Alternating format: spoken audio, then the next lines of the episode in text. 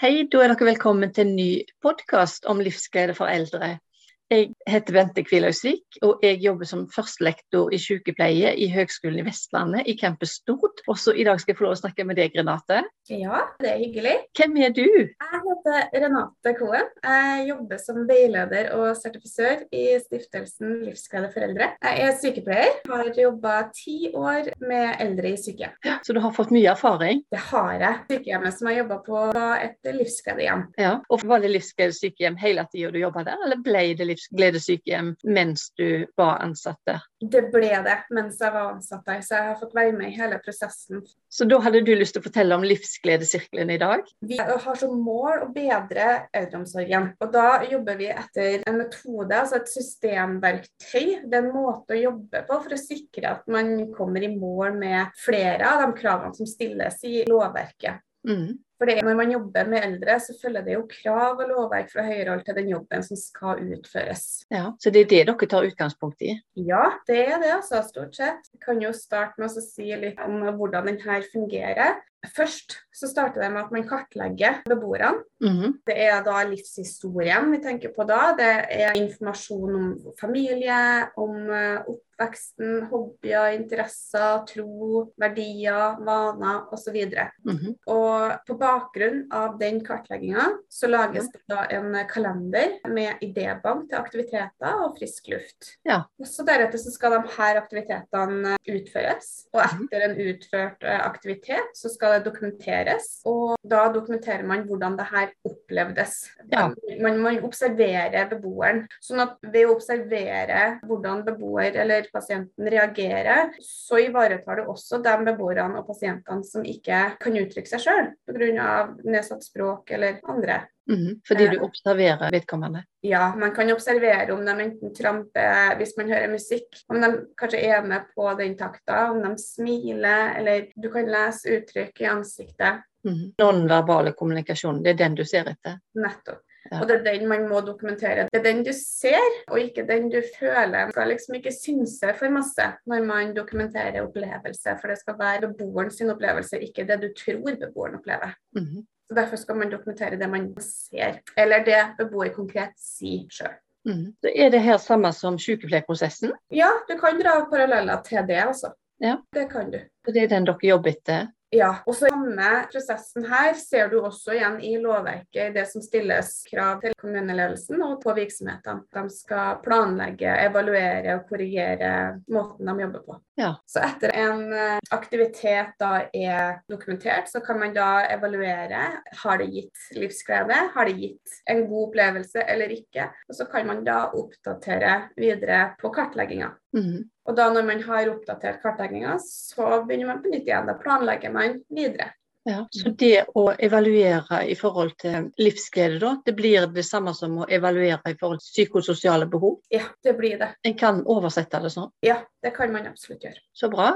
Så det videre, det er i dag som jeg skal snakke litt om, det er jo da spesielt på lovverket, og hvordan denne livsgledesirkelen henger sammen med lovverket. Mm. Og det skal jo sies, jeg er absolutt ingen jurist, men jeg er en sykepleier som er kanskje litt over i snittet interessert i det her med lover, regler og krav og rettigheter. For det er jo så viktig. For under utdanninga så lærer jo vi sykepleiere at vi skal være pasienten sin advokat. Ja. Og da må jo vi vite hva som er våre pasienter sine rettigheter. Ja. Det lærer vi ved å sette oss inn i lovverket.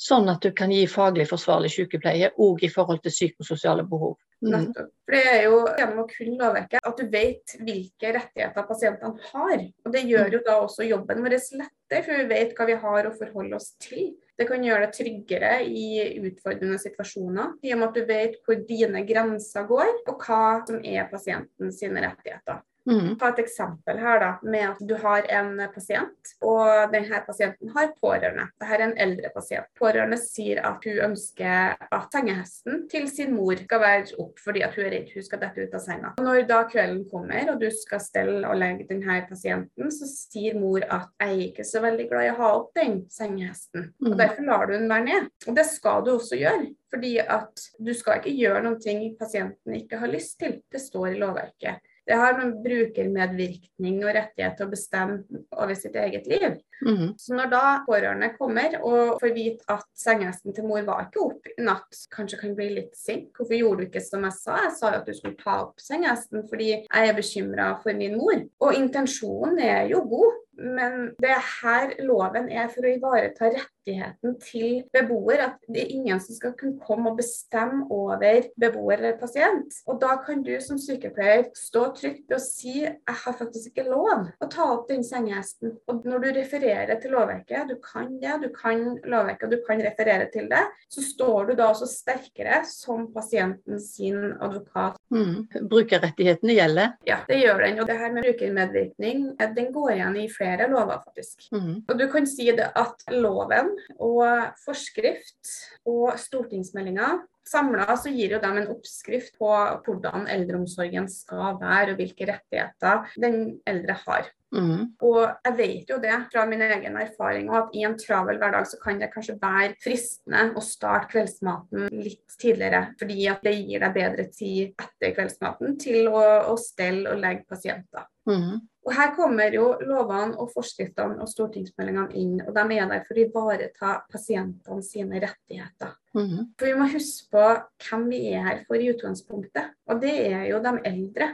Vi har tredd inn i deres hjem, og det må vi respektere. Det er de eldre som skal spise kveldsmat, og de skal ikke spise kveldsmat en time tidligere fordi at det passer meg og min organisering av arbeidshverdagen bedre. Mm. Og Når jeg er kjent med helselovgivninga, så vet jeg det her. Jeg vet at det faktisk finnes regler som forhindrer meg i å servere måltid etter mine behov. Mm. Så det her med institusjonalisering det kan jo være et problem noen ganger. fordi vi har gjerne lett for oss å legge til rette i forhold til hva som er praktisk i avdelingen. Absolutt, og det er jeg veldig godt kjent med. At vi blir litt blind for det at vi drar på jobb. Det er fort gjort. Og det her helselovgivninga hjelper med å holde pasientfokuset, spesielt på sykehjem. Fordi at det er ikke først og fremst din arbeidsplass, det er noen sitt hjem. Mm. Og Det er så viktig å respektere akkurat det, at du er hjem til noen å jobbe. Det er først og fremst Ola og Gunnar og Kari sitt hjem, ikke Mm. din arbeidsplass. Mm. En må ha noen rutiner og sånt. Og det er lett for personalet å si at sånn er det vi gjør det her. Og det er veldig fort gjort for pasientene òg å bare tilpasse seg. Men det er noe vi må være veldig oppmerksomme på, da.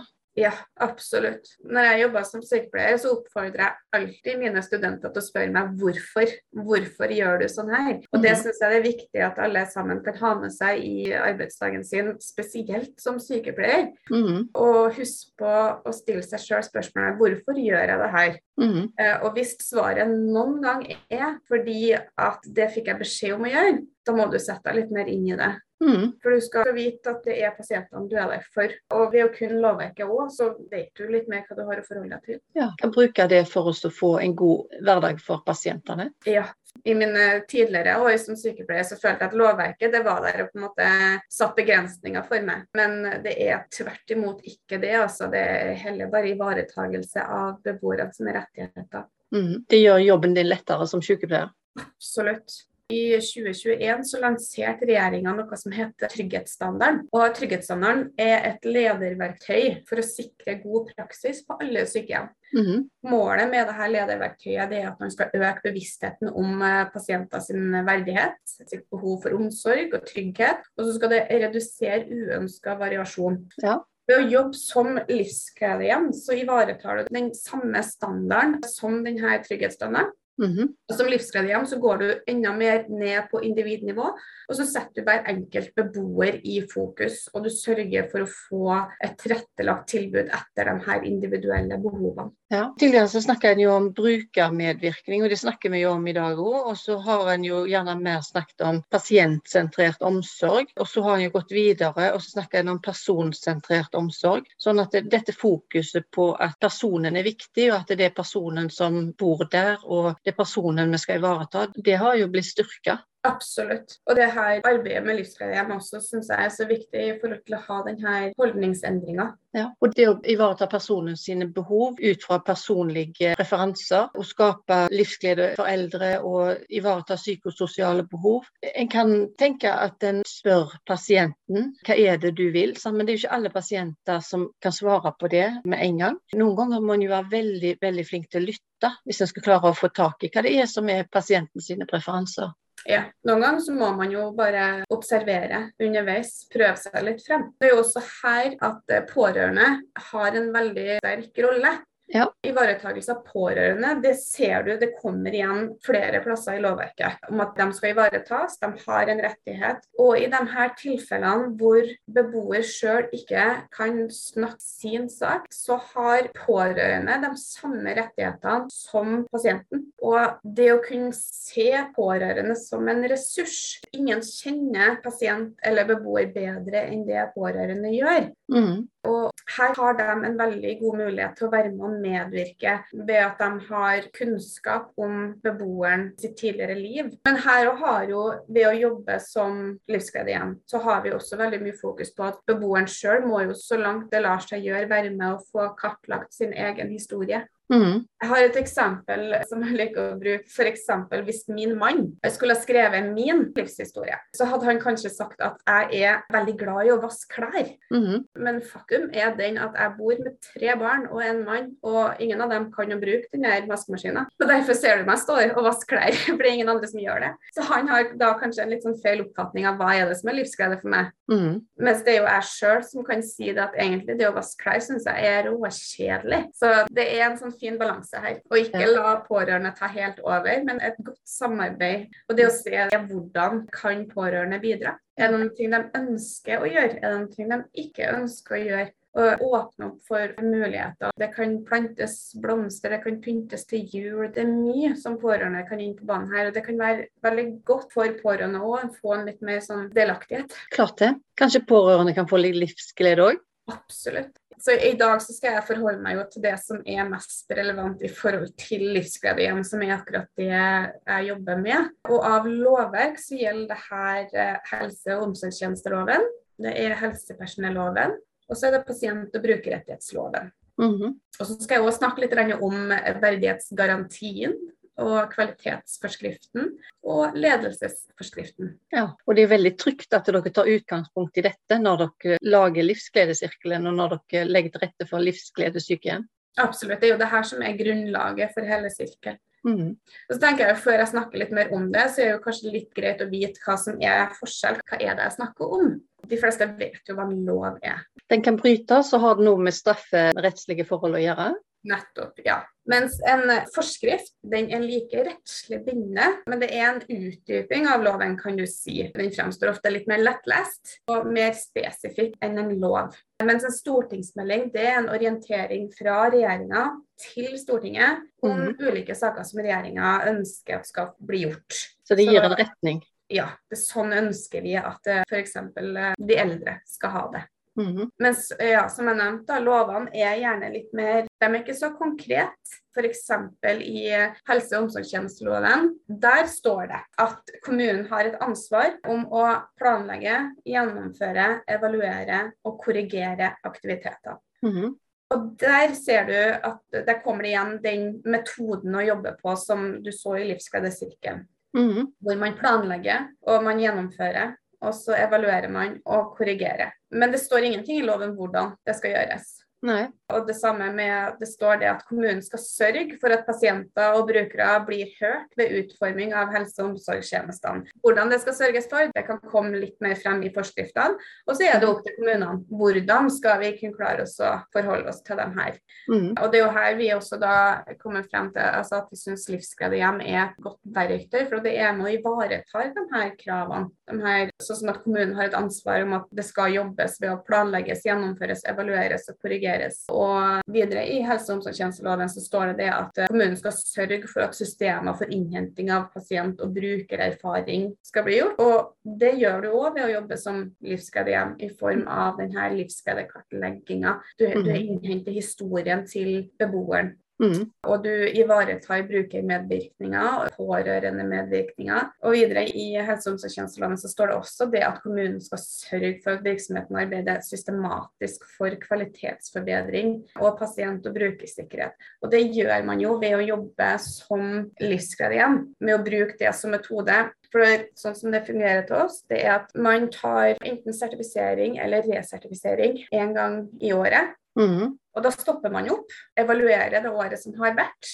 Ja. og ser hva er det som fungerer bra. Så kan man evaluere. Ivaretar jeg alle de her kravene i loven? Alle brukerrettighetene, ivaretar vi det?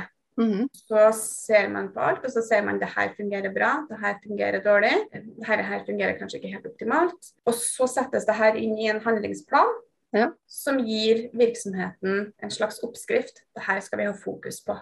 Og så Mhm. skal den tas med videre i løpet av året og evaluere de tiltakene som blir gjort. Og ved å jobbe på den måten, da bruker du Livsgledehjem som styringsverktøy. Altså man bruker det på en måte for å drive drifta videre, og du har ivaretatt lovverket, helse- og omsorgstjenesteloven. Så hvis en tenker sånn at en skal jo jobbe og kunnskapsbasert, det hviler jo på forskning og erfaring, og det hviler òg på brukerens kunnskap om seg sjøl. Og dette høres jo ut som at det handler mye om brukerens kunnskap om seg sjøl. Ja, absolutt. Og så er det jo også viktig at man har litt fokus på at den man har vært, og det er derfor det er så fint at du har med denne evalueringa hele tida underveis av beboeren og hvordan ting oppleves. For at man skal huske på det at den man har vært, det, man har lov til å endre seg. Mm. Siri nevnte i en tidligere podkast om sin bestemor, om at hun har strikka hele livet og var så glad i å strikke. Mm. Og så kom hun på sykehjem og ble kartlagt for det. Hun liker å strikke. Men så når det kommer til saken, så er dama hun er møkkalei av å strikke, for hun har strikka hele livet.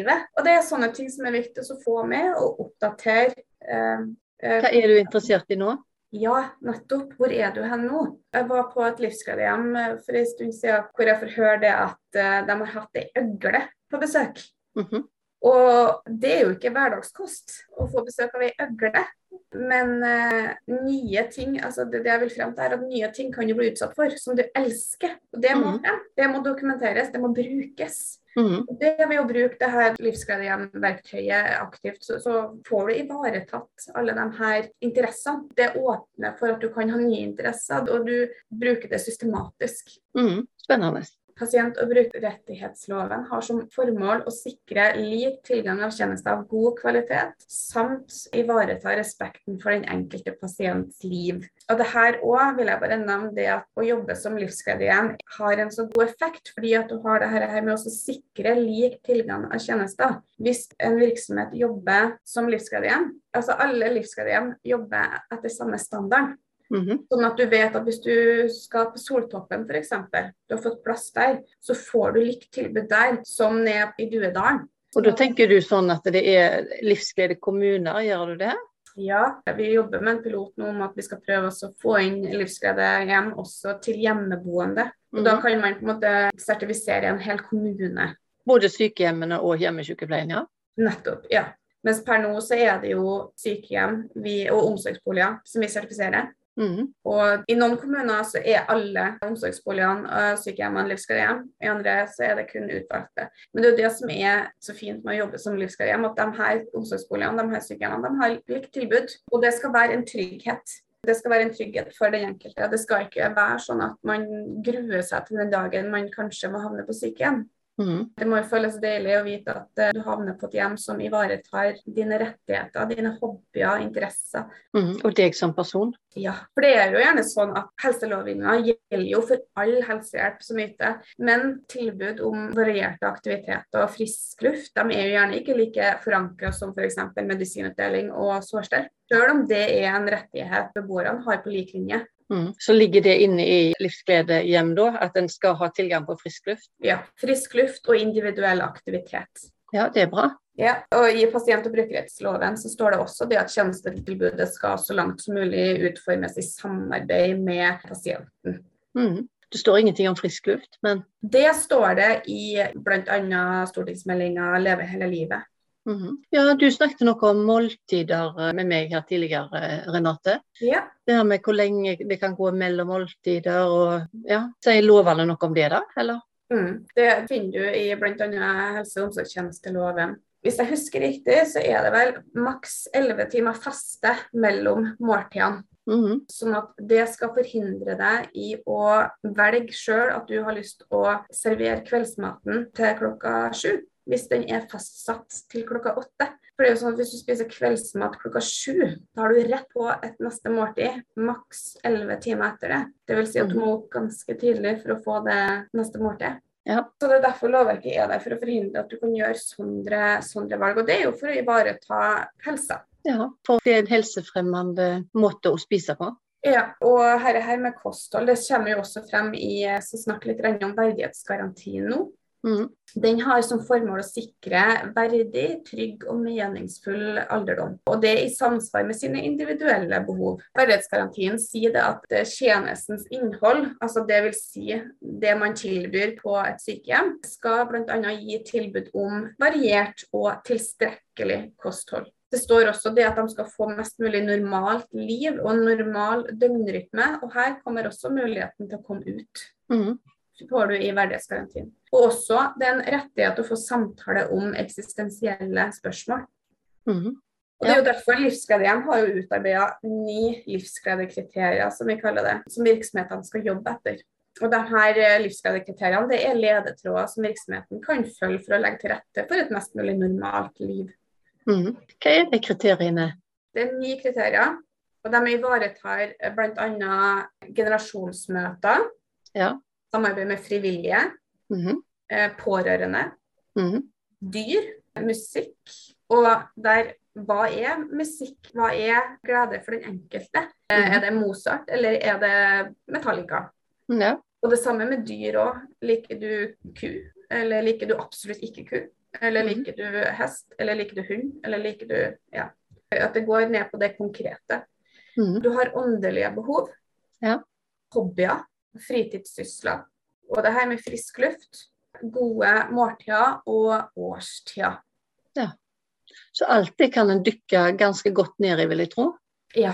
alle de her områdene finner du også igjen når man skal kartlegge livshistorien. Sånn at man kan få et vidt begrep om hva er de forskjellige sine interesser. Sånn at det kan lages aktiviteter basert på de her kriteriene. Mm. Og Det gir deg da grunnlag for å kunne ta de her samtalene om eksistensielle spørsmål. Vi må tørre å stille de litt vanskelige spørsmålene noen gang. Ja, for det kan jo være et sånn typisk område som en gjerne ikke er så grundig i forhold til. Nei, det kan være utfordrende både å tørre å gjøre det, og det kan være vanskelig i forhold til eh, at man ikke helt tør å gå inn på det ukjente. Vi lever jo i tid hvor vi kan møte mye forskjellige kulturer. Sant, Det har med verdier å gjøre? Ja. Jeg hopper litt over på kvalitetsforskriften nå. Den har som formål å sikre at uh, pasienten får ivaretatt sine grunnleggende behov med respekt for den enkelte sin selvbestemmelsesrett. Mm. Og Kvalitetsforskriften sier at det skal utarbeides prosedyrer som sikrer bl.a. at beboerne får medbestemmelse i eget liv. Og det skal sikre at de får tilstrekkelig og variert og helsefremmende kosthold. De skal sikre at de får sosiale behov dekket, at de får mulighet til samvær og fellesskap og kontakt. At de skal få følge normal tids- og døgnrytme, at de skal få tilpassa hjelp, tid og ro til å spise. Mm. At de skal få tilbud om varierte og tilpassa aktiviteter. Mm. Det handler om normal fungering for personer, for mennesker egentlig. Ja. Styrke normal fungering. Ja, at det er viktig å ivareta at de skal ha ja, mest mulig normalt liv. Og det er jo bare sånn at Når man er flere mennesker på en arbeidsplass, så må man kanskje ha en oppskrift å følge for å kunne ivareta det her og vite hvordan ivaretar vi akkurat det her på denne plassen. Derfor lages det prosedyrer. Og det her eh, Kvalitetsforskriften sier at man skal ha prosedyrer som sikrer at det ivaretas. Og Her òg er jo arbeidet som Livsgledehjem sentralt, for her kommer vi inn og så veileder på prosedyrer. Hvordan det skal skrives for å ivareta det, de her prosedyrene. Mm. Og Det første av de her ni livsgledekriteriene som jeg nevnte i stad, er at alle ansatte skal ha kjennskap til og, og, og jobbe etter um, sertifiserings... De skal vite hva sertifiseringsordninga er, og vi har jo ni livsgledekriterier. Og det ja. første av våre ni kriterier er at alle ansatte skal ha kunnskap om å jobbe etter standarden livsglede hjem. Mm. Og det går jo igjen at uh, for å kunne ivareta alle de her rettighetene til beboerne, så må jo alle ansatte også ha kunnskap om å jobbe etter faste prosedyrer. Mm. Og Det er jo her eh, arbeidet med livsgledehjem også er sentralt. For vi sikrer at det er prosedyrer, og vi jobber også med å sikre at alle ansatte skal gjøres kjent med de her prosedyrene. Mm. Sånn at uh, beboeren blir ivaretatt. Ja, Så hva da når det kommer inn vikarer? Da sikrer vi at virksomhetene har prosedyrer som ivaretar de her vikarene. og veileder dem på hvordan det er å jobbe som livsguide. Ja. Jeg skal ikke snakke altfor mye om det her overordna lovverket. Du har forskrift om eh, ledelse og kvalitetsforbedring i helse- og omsorgssektoren. Det går jo mye på ledelse, på krav til ledelsen om hvordan de skal jobbe for å ha riktig drift, for å komme i mål med lovverket osv. I ledelsesforskriften så går det igjen det her med planlegging, gjennomføring og evaluering osv. Så her òg kommer jo vi inn og bistår virksomhetene i å etablere rutiner og prosedyrer for å ivareta det psykososiale behovet hos beboerne. Ja, Så alle disse dokumentene ligger til grunn for arbeidet deres? Ja, det gjør det. Jeg skal snakke også litt om eh, dokumentasjonsplikten. Den sier at som helsepersonell er hver og en av oss pliktig til å skrive ned all relevant informasjon om pleie vi yter, på en respektfull og forståelig måte. Mm. Her kommer jo kanskje det som kan være litt opp til tolkning igjen. For uh, hva er relevant informasjon? Ja. ja. hva er relevant? Det kan en jo spørre seg om. Er det relevant å vite at Einar har vært på fotballkamp? Ja, hvorfor er det relevant? Som vi har snakka om tidligere her, og ivaretagelse av psykososiale behov er en rettighet beboeren har. Mm. Og i forhold til, Vi skal uh, gi nødvendig helsehjelp. Ja. Og det her, er jo En del av grunnleggende behov? Det er jo det.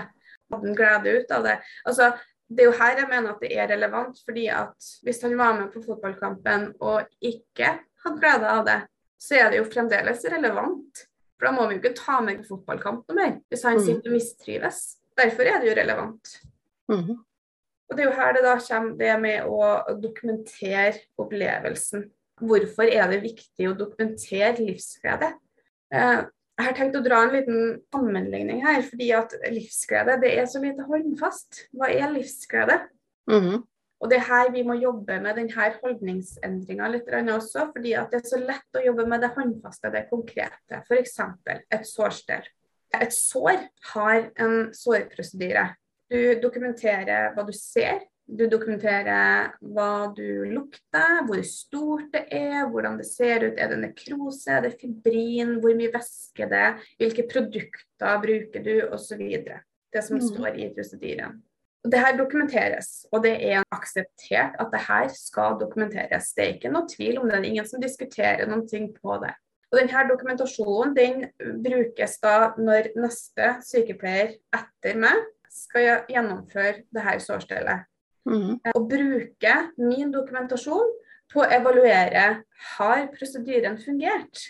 Mm. Har det blitt bedre, eller har det blitt verre? Må prosedyren korrigeres, altså oppdateres, endres på. Og På samme måte så har dokumentasjon av livsglede akkurat den samme effekten. Det er bare det at livsglede er ikke håndfast. Det er ikke like håndfast som et sår. Men hva er det som gir livsglede for den enkelte, hvis en beboer har vært med på en aktivitet f.eks. Så dokumenterer man det man ser, det man opplever.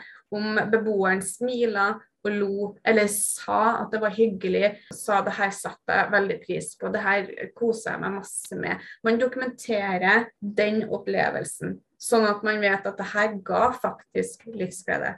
Eller motsatt, du tar med en beboer på trekkspillkonsert, og så sier beboeren at det her var det verste jammeret jeg har hørt.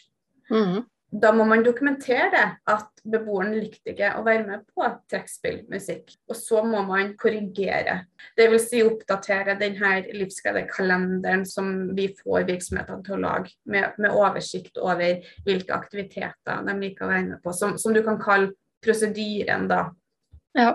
Det er jo også her at dokumentasjonen av livsglede gir virksomheten grunnlag til å evaluere hvorvidt de kommer i mål med de lovpålagte kravene. Ja.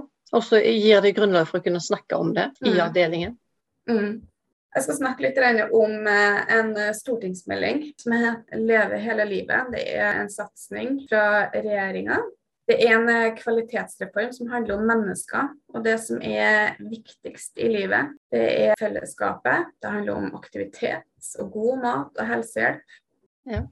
Og med Leve hele livet så skal eldre få muligheten til å mestre eget liv der de bor, hele livet.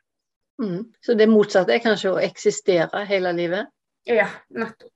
Det handler om å ivareta egne interesser og ønsker, og at det skal gjøres basert på den enkeltes eh, ressurser. Ja, ressurser. Du sier noe viktig der. Vi er jo redde for at eh, helsetjenesten skal bli veldig dyr. Sant? Så det å ivareta pasienten sine ressurser, det gjør jo kanskje at pasienten kan klare en del ting sjøl. Absolutt. For ikke å snakke om at pasienter kan være til for hverandre. At man ser litt på hva beboerne kan fra før, hva kan de bidra med. Ja. Du har f.eks. Eh, du kartlegger en beboer for at du er glad i å bake, glad i å styre hjemme, glad i å holde på med planter. Men da kan du ta, da sette denne beboeren til f.eks. å rydde opp etter et måltid. Fordi det, det handler om å bare føle at man er en ressurs. Ja. Det her, går litt under her, her med at vi trenger en holdningsendring. Eh, og det er så viktig i den tida vi er i, at de eldre ses for å være en ressurs. Det er ikke bare en utgiftspost, det er ikke bare en oppgave som må gjøres. Men det, er hvordan kan de bidra? De har levd et langt, innholdsrikt liv. Hvordan kan vi bruke det? Veldig masse eldre som sitter på sykehjem, de føler seg passive. De ønsker å bli brukt, de ønsker å få bidra med noe. Mm. Det å kartlegge livshistorie, interesser, så kan man da se hva har du av interesser, hva har du av eh, ressurser som vi kan bruke. Mm. Jeg har et eksempel på det, Renate. Det var en eh, pasient som var veldig dement. og Så fant de ut at hvis de satte alle ingredienser til lapper foran vedkommende, så laga hun lapper, altså. Og det var jo til glede for alle i avdelingen. Ja, ikke det fantastisk? Det er jo det. Ja. Ja, også det er her, her også med å kunne få være med og styre litt. At man kan bruke tidligere opplevelser, egenskaper, kunnskaper hvis de f.eks. sitter i rullestol, har hatt slag, ikke får til å bruke kroppen sin, men er helt med i hodet, kan få være med å bidra med oppskrifter som de brukte. Og jeg laga det beste brødet i mine dager. Og så kunne få dele denne oppskrifta. Mm -hmm. Og jeg har faktisk en historie på hvordan det å, å bruke pasienten sine interesser og bruke det som en ressurs i arbeidshverdagen, det går litt under bruk av tillitsskapende tiltak. Ja. For livsgledehjem kan også brukes der for å ivareta beboeren sine rettigheter ved å unngå å bruke tvang, og heller ja. fokus på tillitsskapende tiltak. Ja. Og Der hadde en pasient hun hadde en litt spesiell diagnose som gjorde at hun hengte seg opp i ting. Hun helt, hun hadde jo selvfølgelig påvirka i den grad at hun hadde en form for demens, men det var ikke i hovedsak demens. Det var ikke det eh, hun hadde som diagnose. Men hun hengte seg opp i ting. Mm. Jeg og hun hadde egentlig et ganske godt samarbeid, men ble veldig sint på meg. Og hun ville ikke ta imot stell av meg. Og det her var en periode jeg hadde studenter. Og de her studentene, det, på det sykehjemmet som jeg jobba, eh, så hadde vi en sånn plakat av eh, beboeren hvor vi hadde en kort oppsummering av livshistorien. Hvor det sto litt av hvilke interesser eh, de forskjellige beboerne hadde. Og på denne oppsummeringa av livshistorien som hang inn på rommet til beboeren, så sto det bl.a. at denne beboeren hun var veldig glad i å synge. Hun hadde sunget opera og hadde sunget i kor, og hun hadde, var spesielt interessert i sang. Og det hadde de her studentene mine de hadde lest. Og så sa de å Renate, kan, kan ikke vi få prøve å stelle hun i dag? Mm. Så gikk de inn sammen. Og, og, det her var også Hun var i tillegg til at hun var eh, litt sint, spesielt på meg, så var jeg heller ikke noe glad i å få stelt seg nedentil. Det, det syns jeg var veldig inngripende. Så det de gjorde, de brukte interessene hennes med sang. Mm. Så de, de, tok de sangene de kunne, og så sang de seg gjennom hele stellet. Mm. Og beboeren, hun sang med. Hun var ikke sint, hun motsatte seg ikke stell og hjelp eller noen ting. Sang, de sang seg gjennom hele stellet, og de fikk henne i seng til slutt.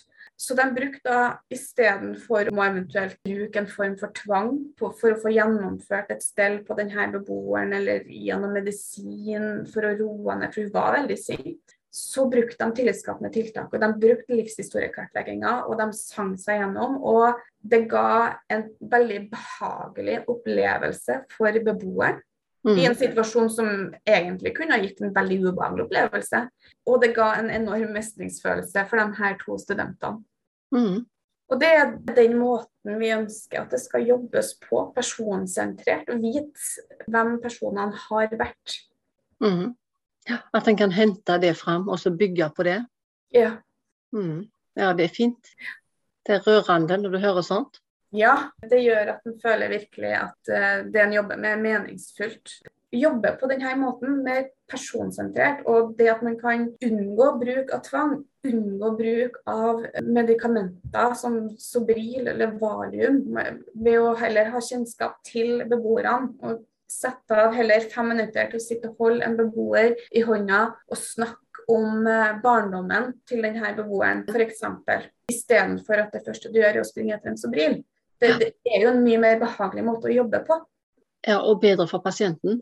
Absolutt. Først og fremst for pasienten. Har dere opplevd at medisinbruken har gått ned på livsgledesykehjemmene?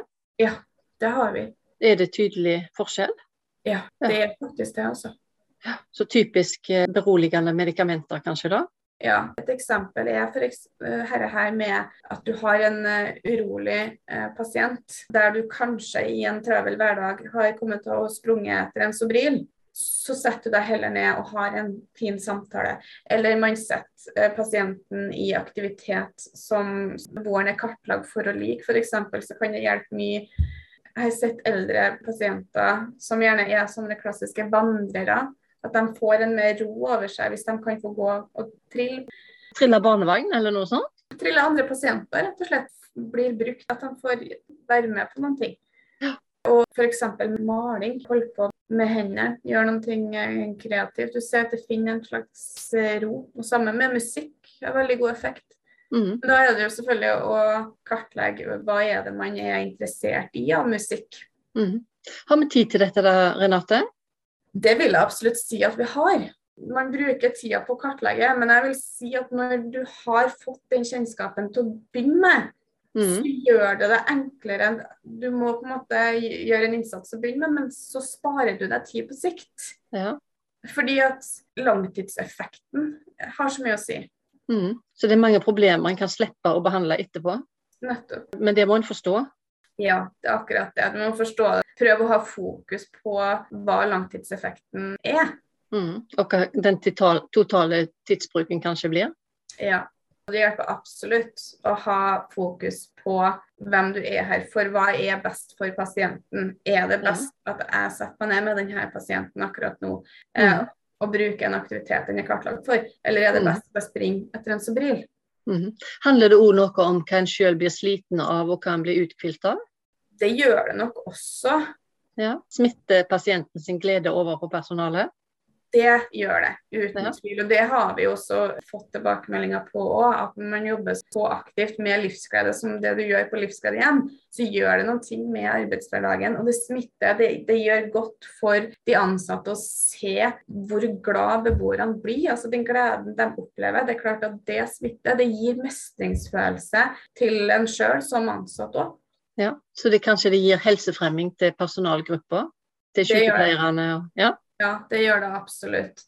Jeg kjenner ei som eh, valgte å jobbe på et sykehjem. Hun gikk fra et sykehjem til et annet ene alene fordi uh, hun så at det var et livsgledehjem. Mm. Hun syns det er bedre å jobbe der, for det er et annet fokus. Mm. Og minst like høy faglighet? Absolutt høye, for du har dem her. Og det er noe vi jobber med i prosessen med å bli et livsgledehjem òg. Det er det å sette de her ni eh, kriteriene som vi har, og se det i sammenheng med faget. Mm. Det er ikke bare ni kriterier som vi har kokt i sammen og sagt at det her skal dere jobbe etter. Det er jo forankra både i lov og i fag. Mm. Så det handler om faglig forsvarlig sykepleie fortsatt? Ja, det gjør det. Spennende. Ja. Nei, men da, vet du hva, dette her var kjempespennende å høre på, Renate. Så bra. Jeg bare vil takke deg for at jeg fikk lov å snakke med deg i dag. Jo, takk, og sjøl takk for at jeg fikk komme og snakke om det. Så da sier vi ha det for i dag. Ha det bra. Du har nå hørt en podkast fra Høgskolen på Vestlandet. Du kan høre flere podkaster fra oss ved å gå inn på nettsiden hvl.no. slash podkast.